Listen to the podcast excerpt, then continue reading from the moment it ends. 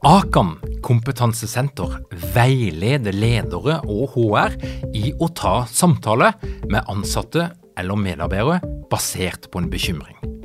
Akan setter ledere og medarbeidere i stand til å forebygge og håndtere en problematisk bruk av alkohol, narkotika, legemidler, spill eller doping blant ansatte. Ønsker du å lære mer om god forebygging og gjennomføring av samtale med en som du er bekymra for? Da kan du nå få tilgang på Akan sitt digitale samtalekurs til spesialpris, kun 760 kroner. Målet med kurset er å gjøre deg tryggere i det som kan være en krevende, men viktig samtale å ta i lederrollen. Du får tilgang til kurset med å gå til samtalekurs.no, samtalekurs.no, og bruke kampanjekoden LEDERPODDEN. Tilbudet gjelder ut april. Dette er en podkast fra Execu. Vi hjelper organisasjoner å utvikle enda bedre ledere og ledergrupper. Lær mer på execu.no.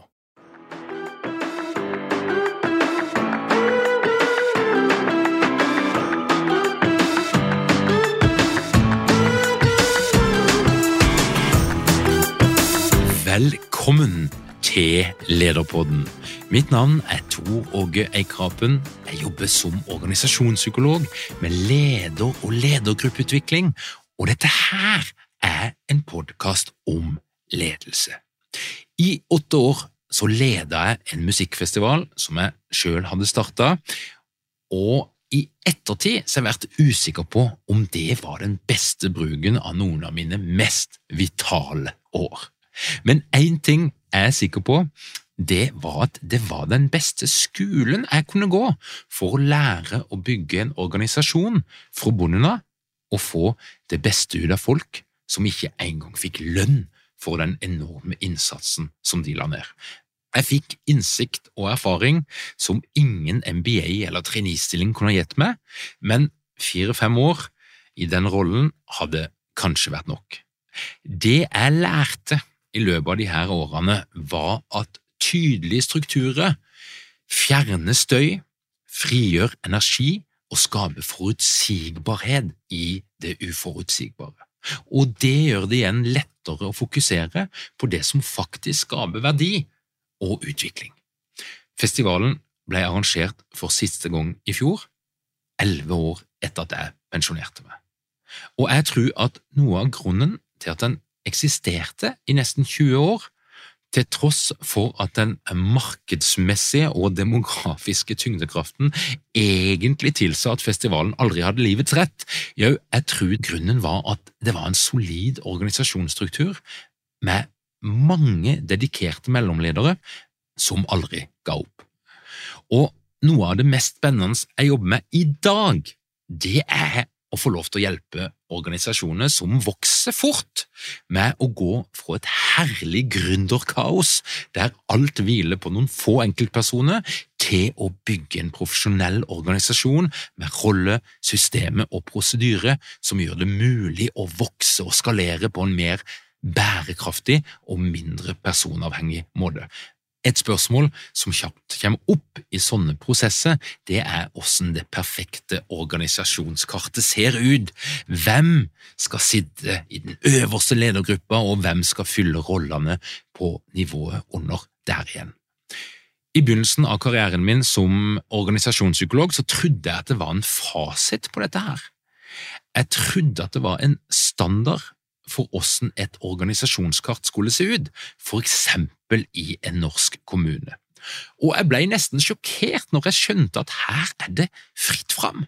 Kun fantasien setter grenser for hvordan ditt organisasjonskart skal se ut, så lenge en person er meldt inn til Brønnøysund som daglig leder og til det ansvaret som følger med. I en voksende organisasjon begynner du ofte å tenke på struktur og rolle når du kjenner på det som blir kalt for voksesmerte. Og er egentlig voksesmerte? Jeg har hørt mange ulike beskrivelser, men dette her er eksempel på noen setninger som ofte gjenger igjen. Vi driver bare med brannslukking for tida. Alle gjør alt. Vi gjør de samme feilene om igjen og om igjen. Og gründerne de er blitt en flaskehals for beslutninger og framdrift fordi de skal ha kontroll på alt, smått og stort. Folk er utslitte, og de jobber døgnet rundt, og vi kommer aldri i mål. Systemene våre er egentlig en masse Excel-ark og manuelle prosedyrer som ingen andre enn oss skjønner noe av. Vi finner opp hjulet om igjen hver gang. Ansatte og kunder blir ikke fulgt opp sånn som de egentlig fortjener. Er dette her eksempelet du kjenner deg igjen i? Da er tida inne for å bygge struktur og organisasjonskartet er et godt sted å begynne. Men hva er egentlig funksjonen til et organisasjonskart? Altså, et sånt kart kan ha minst tre funksjoner. Og den første funksjonen det er jo at det er en praktisk oversikt over hvem som faktisk har makt, myndighet, ansvar og status i organisasjonen. Hvem bestemmer over hvem, og hva er det egentlig de bestemmer over? kommandolinjene. Den andre funksjonen som et sånt kart kan ha, det er at det er et verktøy for å kommunisere internt og eksternt hvordan denne organisasjonen virker. Et, eh, en slags organisatorisk Ikea-manual, om du vil. Og det tredje som et sånt kart kan være, det er jo en måte å fortelle verden noe om, og denne organisasjonen anser for å være viktig. Det kan si noe om verdiene og kulturen i selskapet. Et organisasjonskart kan beskrive hvordan organisasjonen faktisk fungerer. Den kan òg eh, være en beskrivelse av hvordan vi kan tro, kanskje litt feilaktig, at den fungerer, eller hvordan vi skulle ønske at organisasjonen fungerte. Eller det kan være sånn som vi ønsker å framstille organisasjonen for omverdenen. Det kan for eksempel se ut som at makta er distribuert ut i organisasjonen og fordelt og delegert, men i realiteten så er det én person som bestemmer alt. Og Det er jo ikke bare nyoppstarta bedrifter som er brukt for, bruk for å tegne et nytt organisasjonskart. Omorganisering av etablerte organisasjoner kan òg være en effektiv måte å få til en ønska endring som du tidligere har hørt om i lederpodden fra både Orkla og politiets IT-enhet. Men hvordan tegner du det perfekte organisasjonskartet? Ja, jeg tenker iallfall at det er tre kriterier som du må møte for å lage et godt organisasjonskart. Det er iallfall et godt sted å begynne. Nummer én, kartet må være tydelig og enkelt å forstå, internt og eksternt. Det må oppleves som logisk og meningsfullt, og, det må være sånn at du trenger ikke en brukerveiledning for å, å skjønne det, eller en, en, oversetter, for det er så mye tullete titler og begreper. Og de ulike funksjonene på toppen, særlig på toppen, må være lett å skille ifra hverandre. Det må være tydelig at her er det ulike ansvarsområder som er lett å forstå, og hvert medlem i ledergruppa på toppen har et dedikert ansvar for deler av virksomheten som henger sammen. Du må prøve å unngå restebokser der du kan plassere alt som ikke hører hjemme i de andre boksene. Altså det, det forvirrer og skaper rolleutydelighet. Og jeg tror det er lurt å unngå å ta med to ledere fra samme avdeling, der den ene rapporterer til den andre. Det er jo ja, unødvendig. Det andre kriteriet det er at de områdene i virksomheten som forvalter mest folk Har dere mange ledere uten trening eller utdannelse innen ledelse? Mangler dere en felles kultur og praksis for ledelse? Ønsker dere å være bedre rustet for fremtidig vekst og endring? Da kan et internt lederutviklingsprogram være en god investering. I Execu så er vi eksperter på å designe og gjennomføre bedriftsinterne lederutviklingsprogram. Hvis du ønsker å lære mer om hvordan vi kan hjelpe dykken til å få enda bedre ledere, ta og klikk deg inn på execu.no.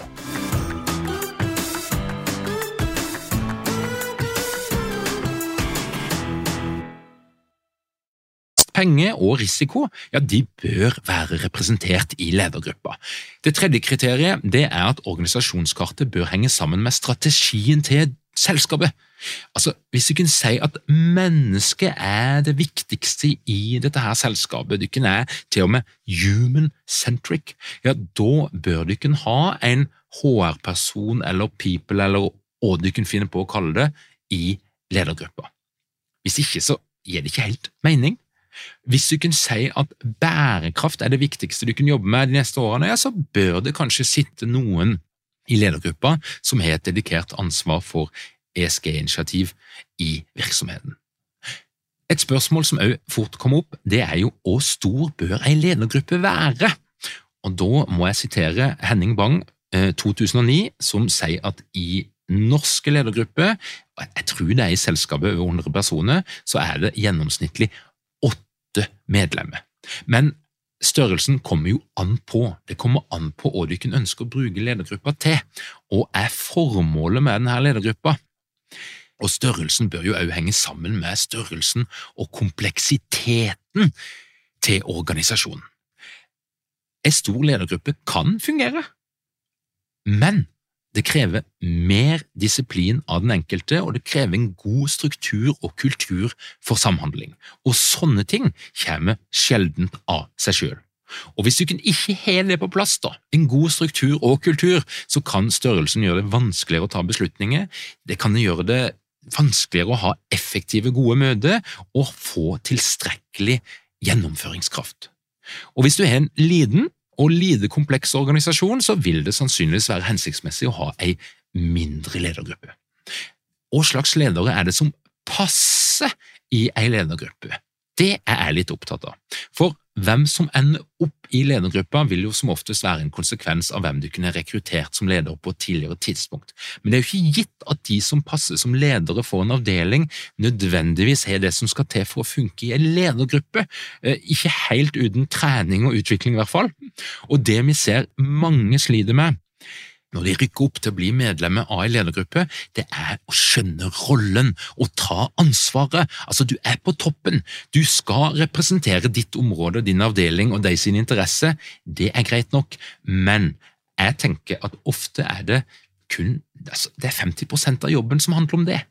Den andre halvdelen av det å være et medlem av en ledergruppe handler om at du er et litt over gjennomsnittet intelligent menneske som kan bidra med meninger og perspektiver på beslutninger som ikke direkte angjenger din avdeling. Så det å bidra på tvers og se helheten, og det å ha kognitiv kapasitet til å sette helheten foran dine egne interesser og ta et helikopterperspektiv, zoom ut og det skifter da mellom den ene dagen å være en veldig operasjonell leder som er langt nede i materien, og så kommer du inn i ledergruppa, så skal du skifte perspektiv, du skal gå opp i meta, du skal se helhet. Det er en krevende øvelse. Men ledere som kun er ambassadører for egen avdeling, og som ikke evner å løfte seg opp til et mer strategisk nivå i diskusjoner, ja, de vil trekke ledergruppas kollektive fungering ned. Og heldigvis så er en del av dette her langt på vei trenbart, det er fullt mulig å gjøre noe med, men da må det jo bli adressert, og det må bli satt på dagsorden. Og spørsmålet enhver ledergruppe bør stille seg, det er jo hvordan skal vi jobbe sammen i og mellom møtet for å nå de målene som vi har satt oss. Ja, når du har denne riggen på plass, da, du begynner å få et kart, og, og du har noen sånn grove trekk av hvordan dette her bør se ut, hva er det som er neste steg? Da er det jo bare å si da at det, hvis det er én ting som fører til forvirring, demotivasjon, støy og trøbbel av alle slag, så er det rolleuklarhet. Et tydelig organisasjonskart det hjelper et stykke på vei, men det er ikke nok. Rolleklarhet det krever at det er tydelig definert hvilken rolle, funksjon og oppgave den enkelte leder har.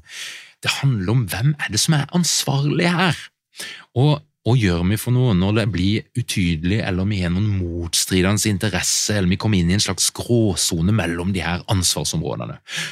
Og jeg vil at du skal se for deg en mappestruktur på datamaskinen din. Det øverste nivået det er de ulike rollene en leder kan ha. Det er den første mappa du lager, eller eh, mapp, flere mapper. Eh, og inni den rollemappa så kan det ligge flere undermapper som heter funksjoner. Det er en undergruppering der.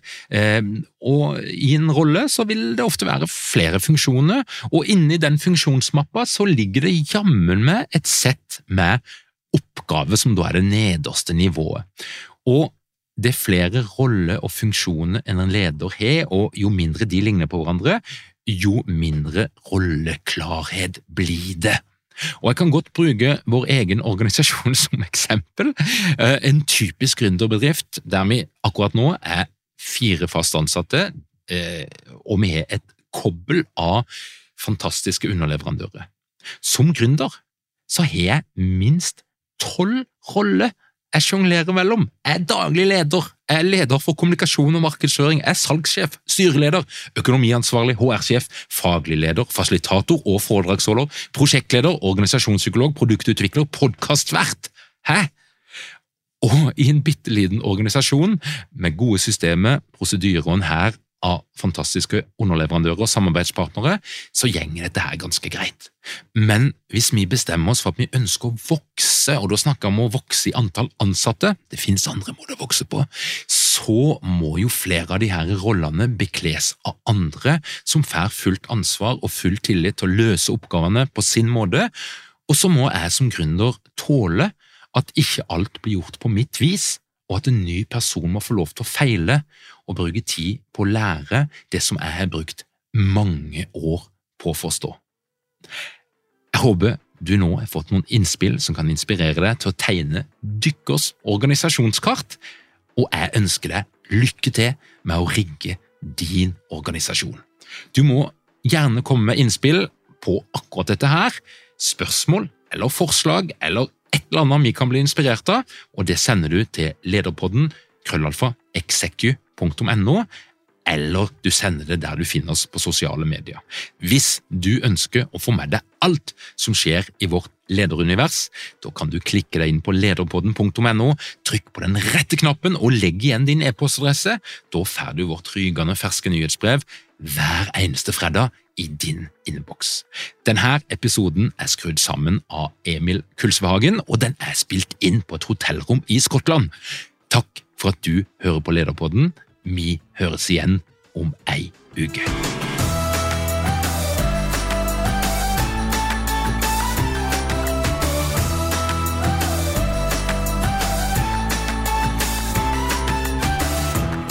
Lederpodden er gitt til deg av Execu.